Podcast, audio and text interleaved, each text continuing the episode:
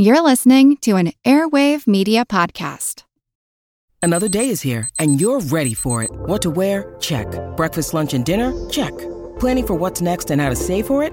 That's where Bank of America can help. For your financial to dos, Bank of America has experts ready to help get you closer to your goals. Get started at one of our local financial centers or 24-7 in our mobile banking app. Find a location near you at bankofamerica.com slash talk to us. What would you like the power to do? Mobile banking requires downloading the app and is only available for select devices. Message and data rates may apply. Bank of America and a member FDIC.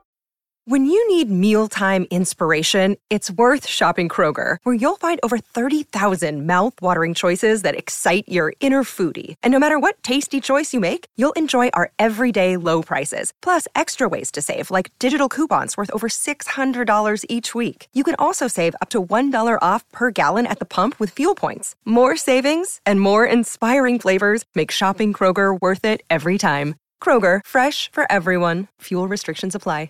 This is Kick Ass News. I'm Ben Mathis. Hey, folks, I hope you'll spread the word about Kick Ass News and share us with at least two friends this week. Or better yet, share Kick Ass News with all your friends on Facebook or Twitter. And if you really want to help, donate to our GoFundMe campaign at gofundme.com slash kickassnews. Thanks for listening, and now enjoy the podcast. Hi, I'm Ben Mathis, and welcome to Kick Ass News. My guest today is W. Kamau Bell. He's a socio-political comedian and host of the hit Emmy Award-nominated CNN docuseries United Shades of America. Before United Shades, Kamau was best known for his critically acclaimed FX comedy series Totally Biased with W. Kamau Bell. Kamau recently released his third comedy album, Semi Prominent Negro, and he has a monthly public radio show, Kamau Right Now, that airs on KALW in San Francisco. Kamau also co hosts two podcasts, Politically Reactive and Denzel Washington is the greatest actor of all time, period. Kamau has appeared on HBO's Real Time with Bill Maher, At Midnight, Chelsea, Conan, WTF with Marc Maron, The Rachel Maddow Show, The View, Fresh Air with Terry Gross, The Nerdist, and This American Life. And his writing has appeared in VanityFair.com, Salon, MSNBC.com, BuzzFeed, and The Hollywood Reporter. The New York Times called Kamau the most promising new talent in political comedy in many years, and SF Weekly called Kamau smart, stylish, and very much in the mold of politically outspoken comedians like Dave Chappelle. Now Kamau has a new book coming out on May 2nd, and season two of United Shades of America premieres this Sunday, April 30th at 10 Eastern on CNN. Today, Kamau joins me to talk about some of his experiences on the road with United Shades, including a lesson in online marketing from the KKK, a leisurely stroll through the neighborhood with one of the most notorious gangs in Chicago's South Side, and what it's like to open carry while black. We debate the merits of Denzel Washington, the phrase all lives matter, and whether the term Negro is actually racist plus a white nationalist who has a big problem with the idea of a black James Bond. Coming up with comedian W. Kamau Bell in just a moment.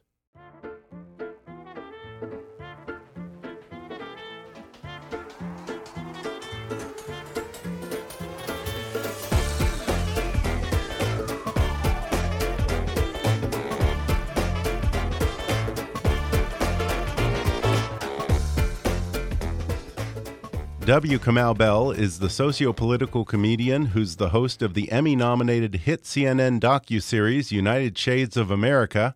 Kamau is also the host of Kamau Right Now, a public radio talk show that airs on KALW in San Francisco, and a co-host of the podcast Politically Reactive, and Denzel Washington is the greatest actor of all time, period. Meh, debatable. United Shades of America returns for its second season Sunday, April 3rd at 10 Eastern. Kamau, thanks for coming on the podcast. Thanks. You already started trouble. Debatable. You just, you just angered some of my view, from some of my listeners who are listening right now. Oh, okay. Do you have a good following for that? Yeah, you said That's that like not like, a niche thing. It's. I mean, it's you know, it's we have a good following and it's a niche thing, and then niche things. Okay. Yeah, yeah, yeah. You So- said it like Denzel's like an actor who people haven't don't have a I lot of like feelings him. about. Yeah, yeah. I yeah. like him, but greatest actor ever. Ricochet, virtuosity. You can't judge people by their lowest scores. That's not you know. eh, Is Okay. there any actor who doesn't have a low score? Okay, but, but but even Training Day, which was a great movie. Oops, that's oh, me. see, that's Denzel. That's that's, Denzel, Denzel. calling Oh, like, uh, "Are you speaking? Are you blaspheming?" yeah, he hears everything. Uh, even Training Day, which is a great movie, and Mm-hmm. he's great in it. I kind of think that he was starting to approach that crazy, loud Al Pacino territory. Yeah, and He Al Pacino won an Oscar for one of those. Hoo ha! so Did he get a, wait? Did he get an Oscar he for won an? Oscar for of a Woman Oh, because he beat okay. Denzel. Denzel was nominated for Malcolm X. Okay, I got deep knowledge here. it's so just proof careful. that people like lose their mind and then go downhill as soon as they get an Oscar.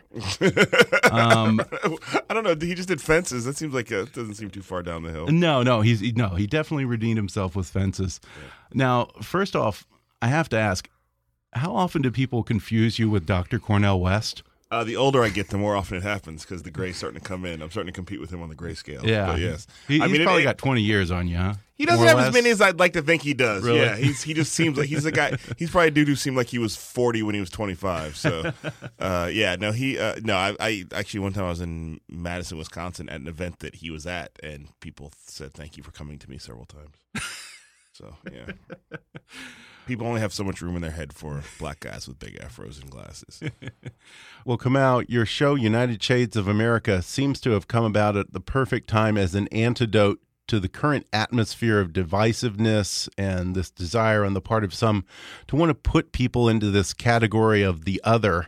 You pitched this show to CNN as a black guy goes to places he shouldn't go or you wouldn't expect him to go.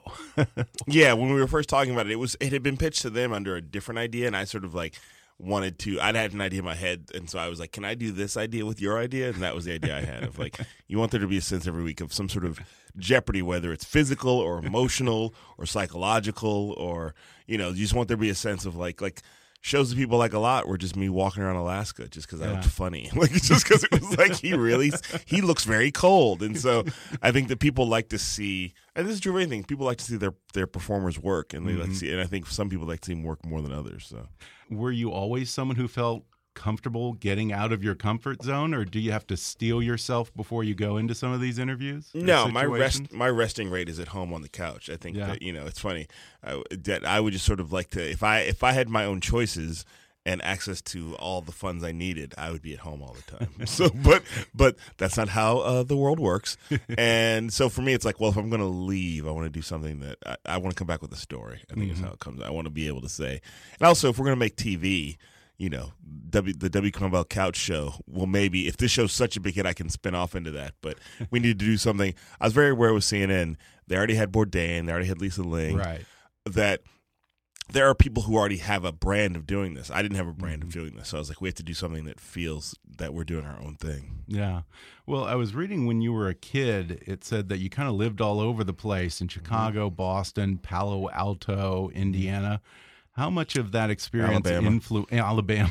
Yeah, so we can't leave out Alabama. Yeah. That's the big one. How much of that went into this show? How much of that inspired you to want to seek different perspectives out there?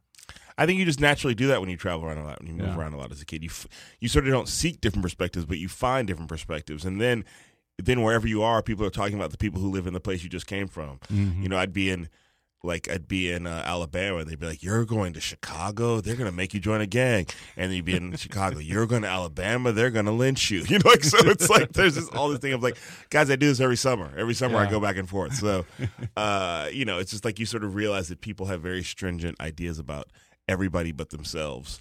Uh, and like you, well, you have you're going to do that. And so I think it just sort of naturally bet that I started doing comedy. When I started doing comedy, it sort of naturally occurred that I was very aware that like people have really that I that I could talk about having been all over the country. And mm-hmm. then as a stand up comic, I've traveled all over the country. So and then with the show, I'm still doing it, and it just so happens that I'm doing it at a time where people are really even retreating more, or there's a tendency for people to retreat more into their holes. You started out the first season by going and interviewing the KKK or various KKK members. Yeah, yeah. Not got just, a lot yeah, of not- there's- attention. Not such thing. There's really no Yeah. such thing as the KKK. It's like Yeah. it's like Al Qaeda. You can start your own chapter right away. It's like ISIS. You can invent your own new ISIS chapter. Do you think that that bought you a little bit of goodwill with CNN to allow you to kind of dig deeper into stories and get into some more nuance once you kind of took on the biggest boogeyman out there in the first episode? Well, it's funny. I, I think that at least showed them that I was trying to do something that they weren't already they didn't already have. Yeah. Like there's a lot of I that was the pilot episode. That's the idea. That's the, the show that sold the series, and there was a lot of talk about what we should do. And we could have picked a simpler, easier idea, but I felt like if we're gonna show that this show is not like anything else on their network, Mm-hmm. let's do something that nobody else has done. And there was support around that, but it was certainly my idea. I was one that said the KKK. And Really? at some point, somebody was, yeah, no, I, I don't. I think I don't think they would have thought that. I- And also, I think like a lot of people, If there's an this point- award for the dumbest black man in America, you might get a nomination. I think crazy. I think I'd like crazy. Crazy. Yeah, yeah. Okay, fair yeah. enough. Dumb would be if I showed up and was like, "Hey guys, can I join?" That's that dumb. I was like, "Hey guys, can we talk?" and then I'll leave. But uh, yeah. So I, I I think that you know I knew I'd, we had to do something that hadn't been that nobody else like if Bourdain goes to the Klan, he's talking about the food. You know, like and so I they, I didn't have much to say about the food, and they didn't offer me much food. But for me, it was just like we got to do something, and and also but CNN wasn't super at that point, we- this is pre-Trump in office. Nobody was really Right. talking about those issues in the same way. So a lot of people Yeah. were like, "Why the Klan? Why are you talking about them?" And then cut to, and even at that point, he wasn't. Re- I don't even think he was running yet. So yeah. So was- that- okay. But then it looks Yeah. now it looks like you were there. Before, you were there at the birth of all this in some yeah. sense. So this was before the David Duke comment. Yeah, this is what this that. was. We probably did Okay, that. I didn't even remember that. We did that. I mean, we because we also filmed Yeah, it, and it was it that was a long time before it aired. So it Mhm. aired. It aired April of 2016. We filmed it in August of 2015. So like Yeah. there was no. And the David Duke thing happened in February of 2016, Yeah. or the yeah the David Duke Klan CNN clip happened in February of 2016. I have all my Klan dates down. One of the things that I think stood out most to me, you know, aside from the fact that you attended a cross burning, is Cross lighting, that's how they call oh it. Oh, lighting, right, right, right, um, is one of these Klansmen at the very end or somewhere in there couldn't help plugging their website during the interview, but it was something weird like. The letter is like I think- www.ikkkkkk Yeah, yeah, five yeah, Ks yeah, yeah. dot org. I, think he mean, threw in an extra good with the W, online marketing. Yeah, I think it was like www. I think he was. I think there's an extra W. That's why I asked him to repeat it, and he, I think he repeated it the same way both times. Yeah, I mean, it was funny to me that he one was going to plug himself, and two that I asked that when I was like, I don't think that address makes sense, and I, I was like, Yeah. that's the little that's the little touch of like the comedian Ks. of like, oh, that's funny. I should have him do it again. Could you repeat that, sir? Like that's the comedian touch that separates me from a journalist or another person on CNN. I'm looking for those opportunities and really trying to work them. Yeah, Well, and also the same time, he got to put his website out there. Like, Yeah. so, like, yeah, hey, you know, there's no such thing as bad publicity, you know. Yeah, yeah. I don't know. We'll see. Yeah. Uh, you know, I, me being me, just out of curiosity, I had to then go online and find out who has kkk.org. Oh yeah, that's probably a popular one. Well, it turns out like I got some shady pop-up alert saying my computer may have been infected by a virus or Oh, something. that's, that's funny. I don't know if anonymous like got to I mean, I would what. imagine that I would imagine that the streets are hot at kkk.org, .com, .net, Yeah. and dot U, dot, uh, .us. I would imagine that those that if you're going to get that that yeah that those websites are probably dealing with a lot of traffic and probably a lot of traffic they don't want. So Yeah, I mean, ironically, I imagine the Klan rednecks probably have a better than average response rate to Nigerian email scams. I would imagine too. Eh, the funny thing is that we learned from looking at their websites, not really too good at HTML. Like Yeah. a lot of the websites are not. They look like look like the early days of website, like where it's like it's like a green background with red print or something. You're like, huh? I can't read this. It's hurting my eyes. Now, Not a lot of WordPress and uh, and uh, what's that other website? Wix. Not, not, a, lot- not a lot of Wix and Squarespace websites. I mean, were you doing these kind of interviews with people like that, kind of like Stephen Colbert or like Borat, where you maybe had someone from CNN book the interview and then maybe let them assume that you might be a white guy? No, they were all were pretty. I think because we're CNN, we can't really screw with. C- I mean, I don't think I'd want to do that anyway. Yeah. I do want people to be prepared for the thing because I, I also don't Yeah. want people to not. I mean, I think with with Borat, especially, there's a thing where them leaving is part of the gag, or Yeah. them saying I'm offended and running out of the room. That's part of what he wants. Yeah. I'm not. Try- I actually want you to in there as long as possible. No, so with like the Klan, people are like, why didn't you punch him? Because then the interview's over. like, it's like that's not. I you know I'm not trying to get ratings that way. So for me, it was like I think that the from what I understand, because I didn't have to make these calls, but the producers were like, "Hey, hey, Klan people, do you want to talk to CNN?" And then a lot of them were like, "No," and then the ones that are left, "Okay, you do, good. Uh, it's going to be a black host, no," and then the ones that are left, and he's a comedian, no, and then you're left with like four groups. So I think it was a whittling down process. I really only want to talk to people who want to talk to me. I'm not trying Yeah. to do you know, sup- shock interviews or so. Yeah. I, I mean, you can be shocked by the content, but I'm not trying to. I really, when if you agree to talk to me, I'm going to be as respectful as I can be, considering the circumstances, and Yeah, I and leave you in a sense. It's like, all right, well, it's nice talking to you, even if you know, even if it wasn't. You know, I've had Yeah. way more contentious conversations with people who I was shocked were contentious than with people who were Mm-hmm. like, you know, the. You know, so and I think, but well, at the same time, even though me and the Klan were polite to each other, you still were like, they, it, it's more interesting to have a, a polite conversation where they get to say whatever they want to say and be comfortable so they can go and you go Mm-hmm. Wow they actually believe these things as Yeah. opposed to like me trying to step on them or me trying to get Yeah. some i still got jokes in you know you know said Klan christmas card i think that was a, i thought was pretty funny about that Yeah, and in your season two opener this time around, it dovetails nicely with that first episode from last season because you start by talking with a guy named Richard Spencer, who supposedly coined the term alt right, and he runs a white nationalist group. The funny thing is that he even tries to relate to you when he introduces himself. He's all like, "Hey, my man, what's up?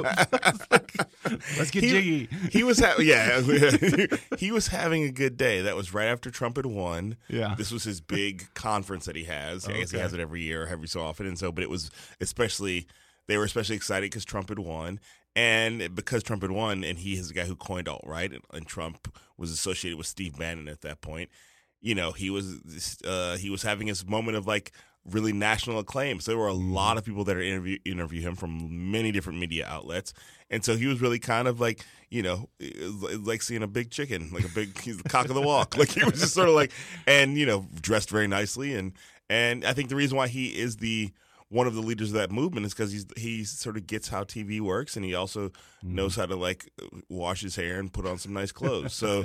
Uh, and you know, for what he is, he's the most charismatic of that movement, and so I think he knows. And he also knows how to sit down and have a conversation. We had a conversation, and we didn't agree with everything, but we had a conversation.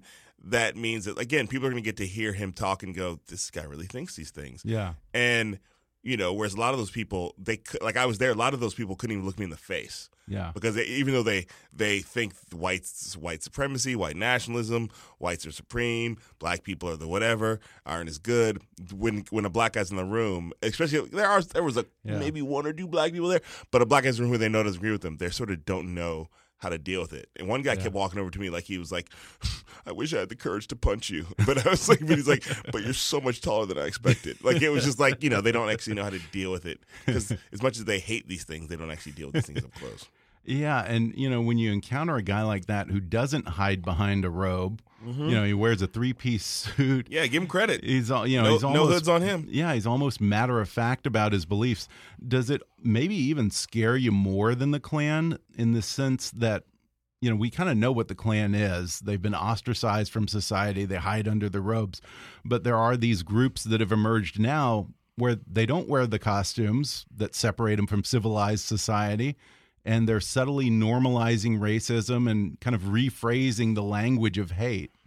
Well, I mean, you know, let's be clear about this. The Klan only rose and only rises when it's not okay to say those things out loud. Mm-hmm. With your, you know, Exactly. where you can't you can't go to work and be like, you know, where, where you can't say to the people of color like, "Oh, we don't hire people of color here." like, you know, the, the, during the Klan, let's be, the Klan comes out of Reconstruction. The Klan does, Yeah. does not exist during slavery. Like, Right. there's no need for like people to hide their faces when they're being racist. So, I mean, I think this is sort of a, America likes things that are retro. This is retro racism. It's out loud and in your face, and so that's that's the thing I feel about. it. It's like this is actually how it used to be. Like people Yeah. could be racist out loud and in your face and talk to you very directly. And I think Mm-hmm. that's what you're seeing in the country. A lot of people are like, finally, I can do that again the way my dad Yeah. told me he did it, the way my grandfather always talked Yeah. about.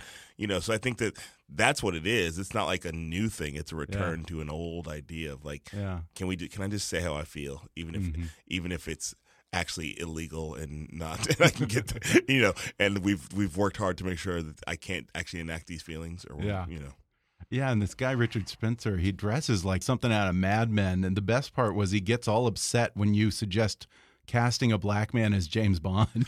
I know, that really was- got under his skin. That's what was really fun to me about that interview. Is like I know that he had a bunch of interviews that day, and probably did a bunch after we talked to him.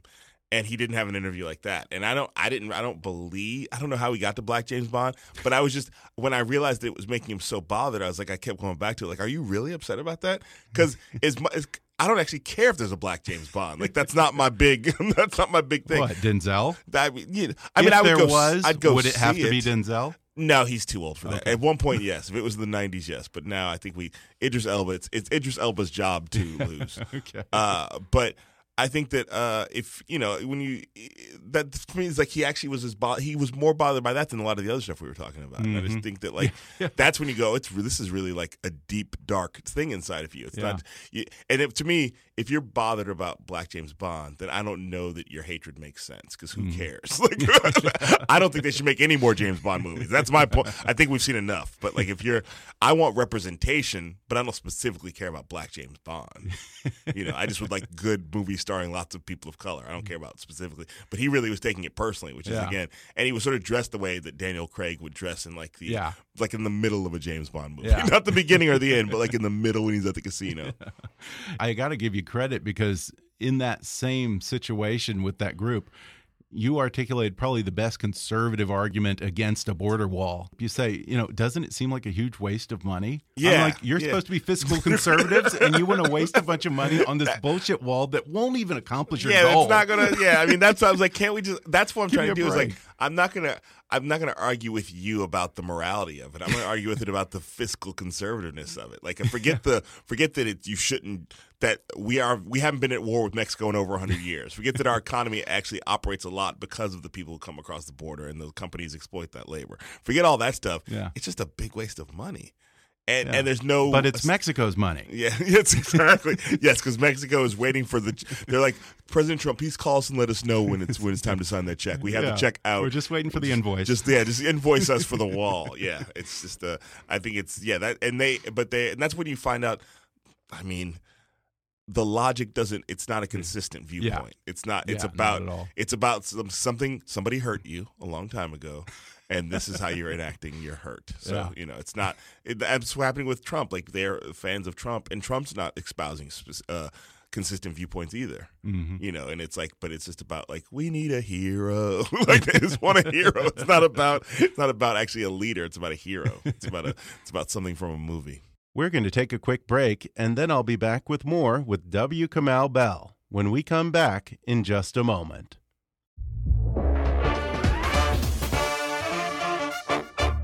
Amazon's acclaimed crime series Bosch is back for a third season.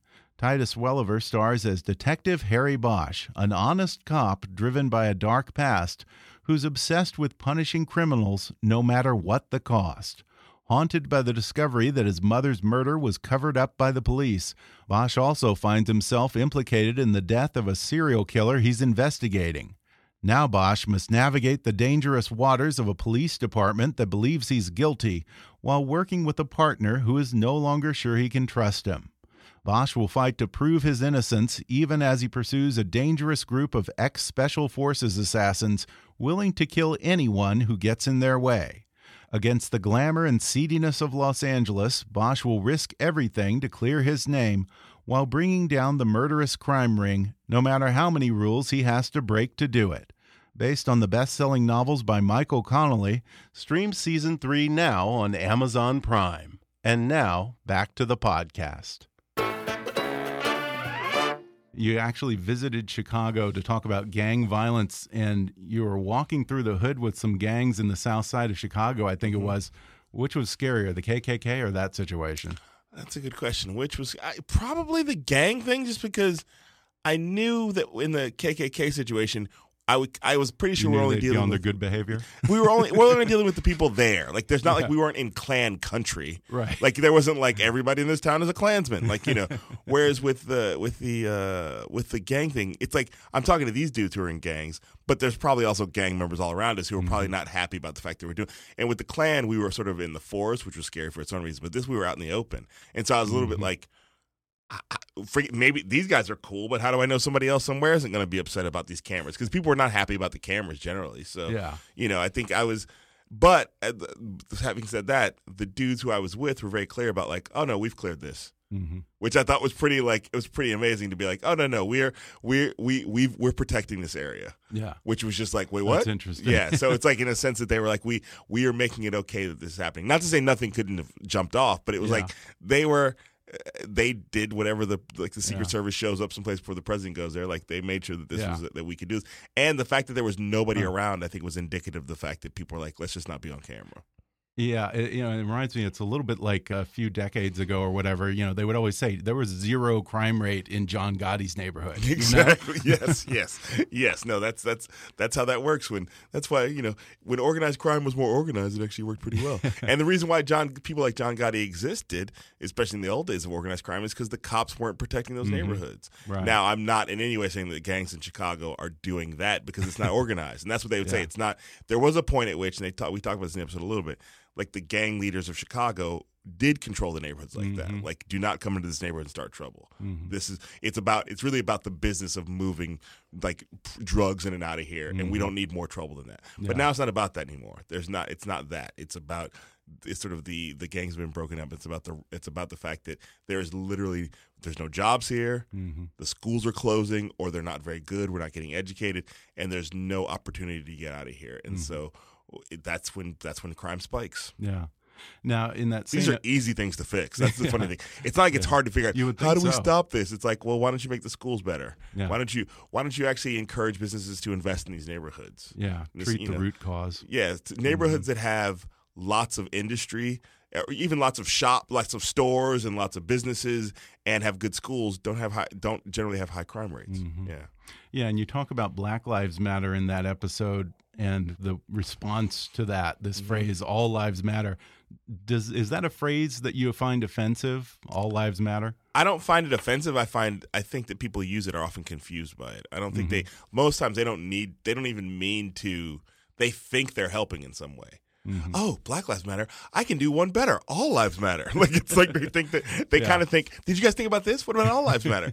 and I've talked to two of the founders of Black Lives Matter, Patrisse Cullors and Alicia Garza, who mm-hmm. are like, look. It is about the fact that we needed to talk about Black Lives Mattering, and it is about the fact that that that's specifically what we were talking about. Yeah. So can we have that conversation? Mhm. That's it's not about like oh it was the best hashtag ever came that anybody ever came up with. It's about specifically that's what the conversation we were asking people to have. And when you say all lives matter, you're saying I don't want to have that conversation. Yeah, I mean, yeah, all lives matter, but not all lives are in the crosshairs. Yeah, and it's also all li- it's it's not Black Lives Matter is is like a demand. It's really should be. It's like it's like again they were just sort of it's spun the hat the catchphrase came out of a like we need to declare that Black Lives Matter, Mm-hmm. and that's what it is. All lives matter isn't true. hmm It should you could say all lives should matter, but it's just not. If all lives mattered, Right. then we wouldn't have to say Black Lives. Matter. Yeah. Yeah. and again, it's like let's be clear: the Black Lives Matter people know it's also trans lives matter and brown lives matter Mm-hmm. Yeah. and Native lives matter. It's a you know it's not just a linear black and white thing. Yeah.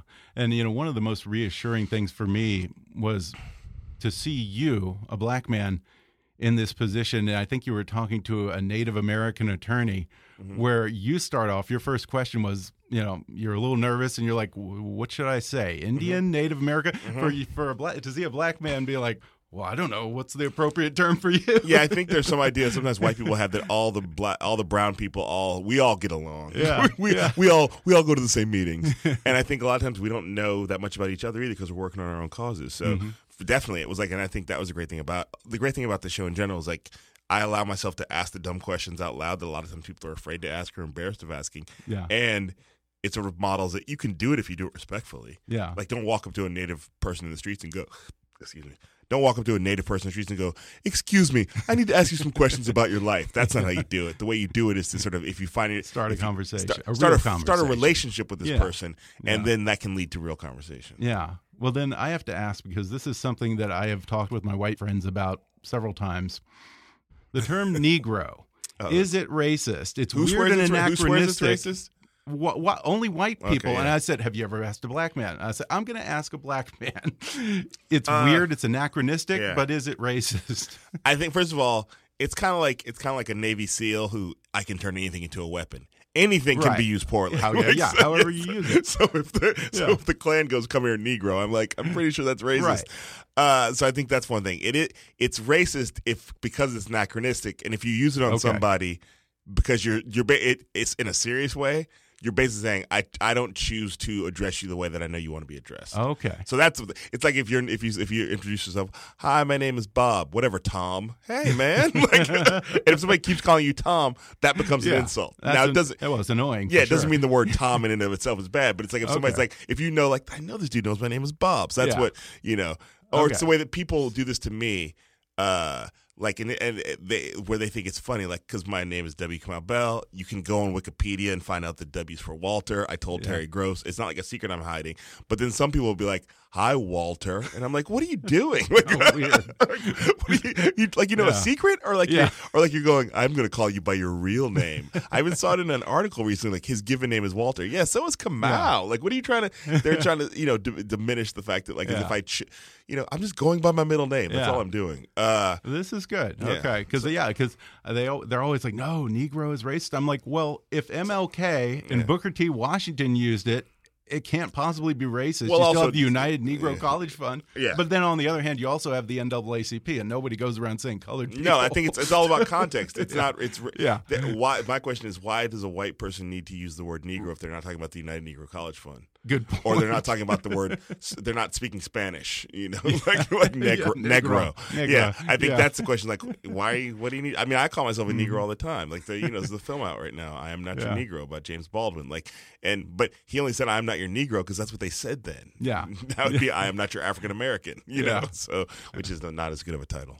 the woman you were talking to in that conversation, it was interesting to me how she talks about how she kind of hates it because she's always in the position of kind of being a downer Yeah, in talked about- conversation yeah, with love- that's my people, fa- and you my- relate to that. Huh? That's my favorite segment of the person who's like, yeah, that was a Um, revelation. Yeah, it's sort of the but actually person. Or, or can I just one second? Hold on a second. Let me slow you down. And I think that you, if you're living a life where your job is to sort of be that person, and then in your personal life, your friends sort of use you as that person, Mm-hmm. you sort of sometimes be like, "Ah, I, I always have to slow. I always have to slow the flow of the conversation down because I have to Yeah. correct people, and it's just.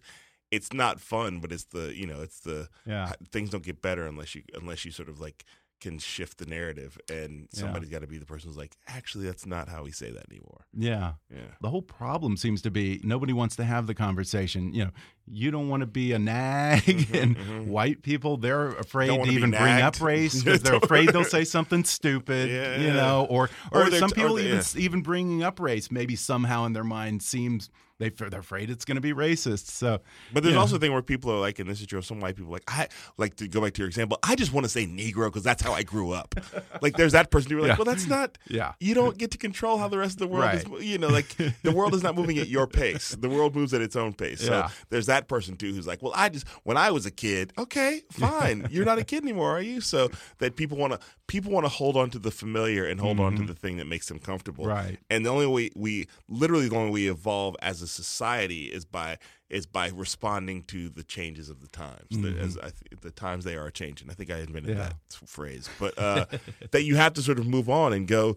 Like when my mom was a kid, colored was probably still the thing to say. Or, Yeah. you know, it's the same. It's but also at that time they didn't have microwaves. And I remember when Mm-hmm. microwaves came out in the '80s, and people were like, "I don't know about this. They're putting radiation on my food."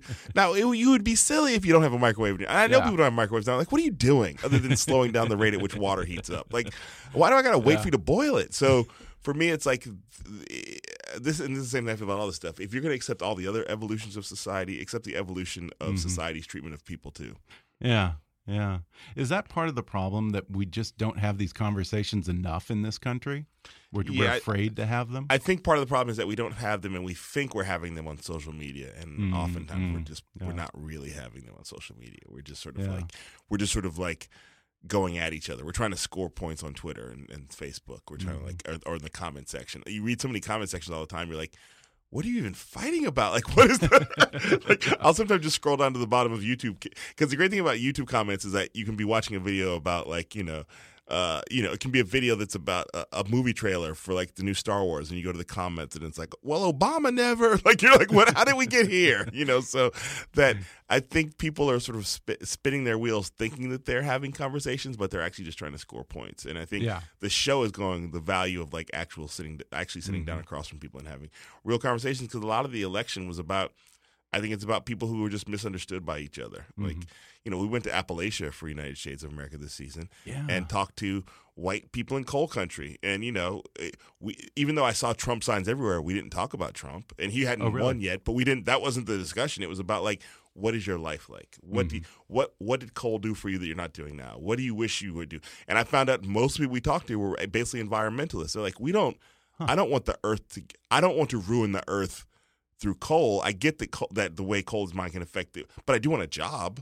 Yeah. And you go, well, that's a different discussion because the the news media makes it think like they have to be coal workers. Right. They're like, no, I just want. That's just the only job I know we have here. Mm-hmm. We live in the mountains. We don't live near highways. There's not nobody's going to put a company here. Yeah. So we need jobs. The only job I know is in that mountain over there. Yeah. So it's like, and I think that's a different way of thinking about it. It's not about the job. It's about the fact that it's not about coal. It's about I, I want to provide for my family, and that's a different discussion. And if you have that discussion, then it's like, okay, what can we do to put an industry here? Are these people open to retraining and doing the things they need to do to get 21st century jobs They- instead of a coal It's job? the same. It's funny. The same problem they have in Appalachia is the same problem the they have in Chicago. Is Yeah. that they haven't been educated for that. Right. They so, haven't but been. so, and it's also, and some of them are forty. Right. So it's like you So know, do so you it's like yeah, Yeah. it's like that thing where it's like, yeah, I would I would like to be re-educated, but actually my kids need to eat today. You know, like so Yeah. it's a, it's not that they're opposed to that, but they they the, first worry is, is putting food on the table today, Mhm. and I think that's the same. It's the same thing in Chicago. You know, the same thing in Appalachia. They're both like, I just want to provide for my family. And there's not a way to do that here in Chicago. Yeah. They don't have coal. They have they have trap music. like that's the like that's Yeah, like that's I better get in those streets. You know, I better Yeah. start. I better get a drop a mixtape. And I mean, that's what a lot of people think there. Whereas in coal country, trap music's not as big. But Yeah. so there, it's just about like you know, I talked to a lot of people like, I just want to have and coal. And this is when we talk about like this. At one point, coal was a hard way to make a really good living. Mhm. Like you could make, you know, you're talking about coal Right. miners making the like the equivalent of hundred thousand dollars a year, yeah. and it was not like a- an Alaska Alaskan fisherman or something. yeah, like that, where it's like it's not easy, but you can actually live a good middle class lifestyle Mhm. and provide for your family in a way. And there's, as we know, uh, we, the factories have all moved, so there's Yeah. not a lot of jobs like that anymore. Yeah. And Walmart is not paying that, Mhm. even though they could. you know, a Walmart greedy could make hundred thousand dollars a year, and Walmart could still be profitable, but they're not doing that. Well, you go to a seminar to find out what it's like to open carry while black. What was that like? I mean, it was really. I, sort of. It sounds like a joke, but then we sat there and talked about it, and I was like, "This is a real thing about like this this black guy who carry he carries a weapon, and he's this is in Georgia where you can open where open carry is legal. Right. So, which California is not legal to openly carry here. You can thank the Black Panthers for that. Uh, not them, but you can thank the fact that the state was like, black people are openly carrying weapons. We got to change that. so, but he was saying that you have to realize as a black person, like in in Georgia, it's not a what do they call it? You don't it, whatever the law is. It's called like you're not forced to report that you have a weapon on you. So you can have a weapon on you, and you don't just if a cop pulls you for a traffic stop, you're not supposed to go. Some states you have to go just to let you know I have a weapon, hmm but Georgia's not that state. And he was like, Okay. forget that. Tell him. like, you know? so, like, and that's the thing because we've seen that in the we've seen that in Yeah. the media where like where like a Philando Castile, like people who Yeah. are who are like legally abiding by the law, Yeah. but but because there's a weapon on them, they're like, I'm going to shoot this guy anyway. So for me, it's like that. He was like, you have to sort of go above and beyond the spirit and Mhm. the letter of the law if you want to try to survive. And so that's a Yeah. big to hear that you're like. You know, it's again. I know this is a black. Never try to the world. surprise a cop. No, but also you're not just a good rule for it is life. a good. It is a good rule, but it's like when the law says you don't have to tell the cop Right. whether you're carrying a weapon, then you shouldn't have to tell him. But Yeah.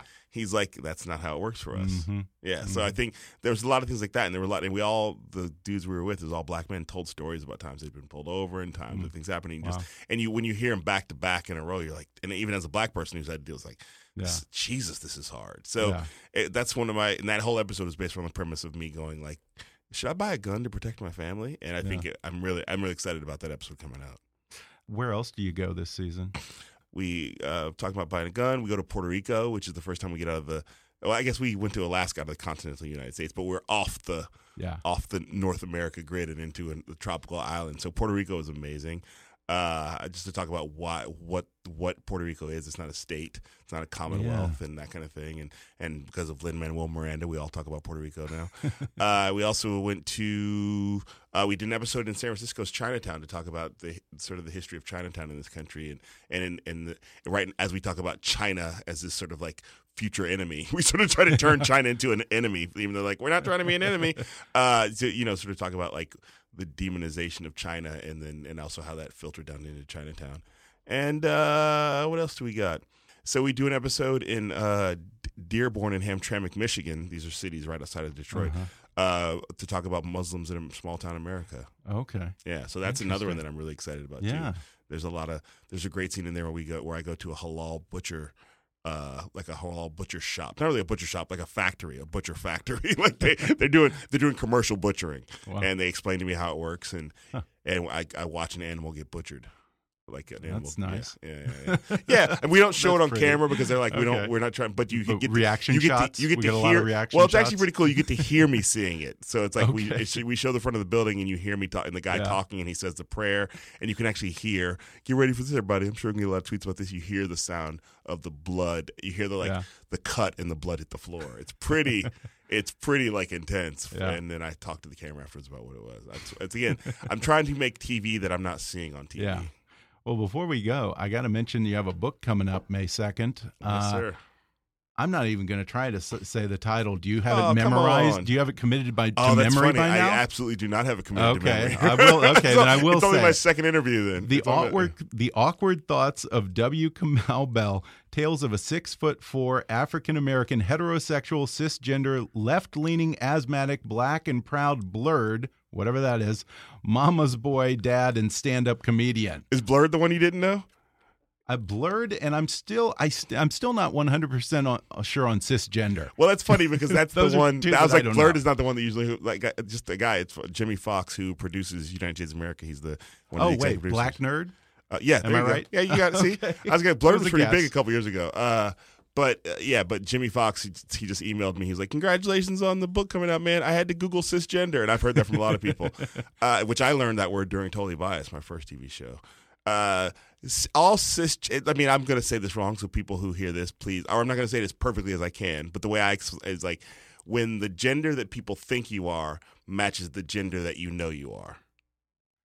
So you look like a man. Are you a man? I won't be able to sleep because I'm going to be trying to figure that one out. It's basically just like it's for the well for those of us who it, when it matches. That's why you don't. okay when it matches. Okay. Yeah, it's when it ma- it's like so. Okay. It's when it matches. So it means like if far you, as I know, it matches. It's I, I, you to me look like a man. Others might disagree. Yeah. You to me you look, you look like a man because you got the you got fit, you got a goatee, you you sort of have man feelings. I feel Okay. manly about you. Are you a man?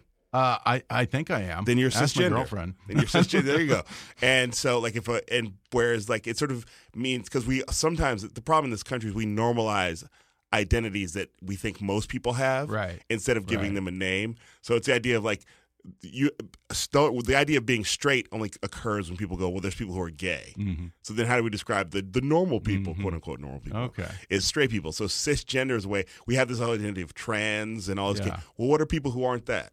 Yeah. It's cisgender. Okay. Yeah, it's just a way to sort of like understand that there is no normal is what this is. Okay. There there are percentages of people, but Yeah. but often the percentages aren't as high as we think they are because some people have forced themselves to fit in whatever the idea of normal Right. is. Right. Right. Now, is this a collection of essays or what- It's it's some memoir and so it's a mixture. It's like every comic book. It's some essays Mm-hmm. and some memoir. But the overriding the overriding idea is that it's things in my life that I either felt awkward about or things that I am awkward about, and how sort of learning to lean into the awkwardness I think has made me a better person. Yeah. And America's at a really awkward point right now. Yeah. And I think sometimes we want to retreat from the awkwardness and just start yelling at each other. And I'm like, no, let's lean into it. yeah. Yeah. Favorite Denzel movie? Favorite? Uh, I'm gonna have to go with Malcolm X. I try to sound Okay. smart and say other ones, but Malcolm X is it, it's his best performance. It may not be his best movie, but it's the one that is the most powerful. Mm-hmm. My favorite Denzel movie is.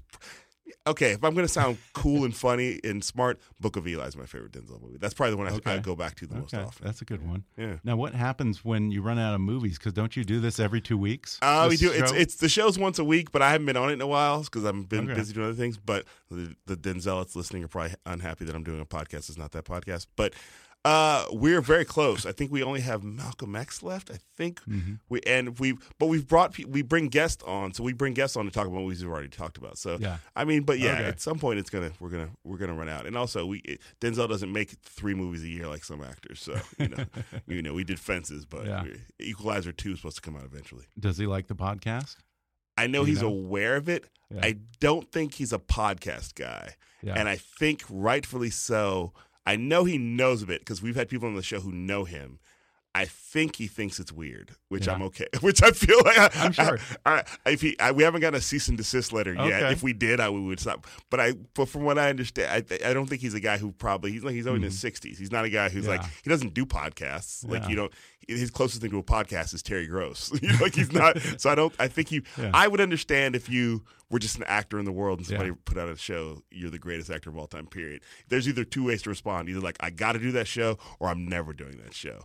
I, he's I think you should lean in on the weird and next season just go full on into like a missing Richard Simmons type thing with Denzel. just start following him, asking all his relatives questions. See, I, don't want to be. I like weirdness. I don't like stalking Yeah. people. I don't like. I don't like invasion of privacy. You know, I don't mm-hmm. like. I'm not trying to do that. Like that. I mean, and I know the people who are doing the Richard Simmons thing, and I was Oh, like, yeah? it sounds super fascinating. I would never want to do that to somebody.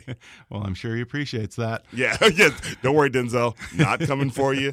Just gonna from far away. Thank you for your work. The book comes out May 2nd, and United Shades of America returns for its second season on CNN on Sunday, April 30th at 10 p.m. Eastern. W. Kamau Bell, thanks for talking with me. Thanks for having me.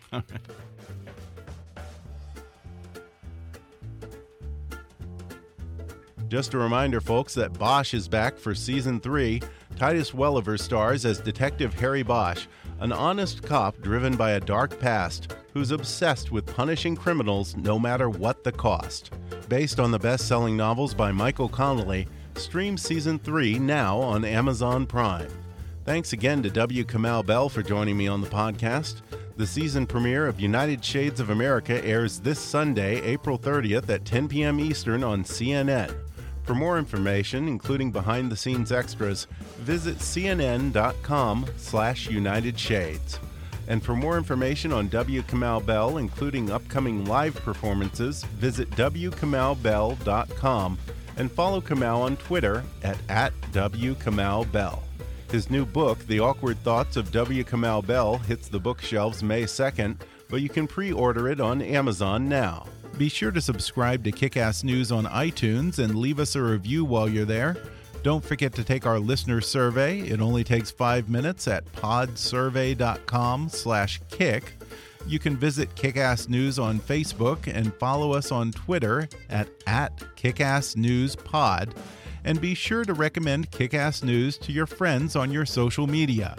And if you really want to help out, then donate to our GoFundMe campaign at gofundme.com slash kickassnews or click on the donate button at kickassnews.com. As always, I welcome your comments, questions, and suggestions at comments at kickassnews.com. For now, though, I'm Ben Mathis, and thanks for listening to Kickass News.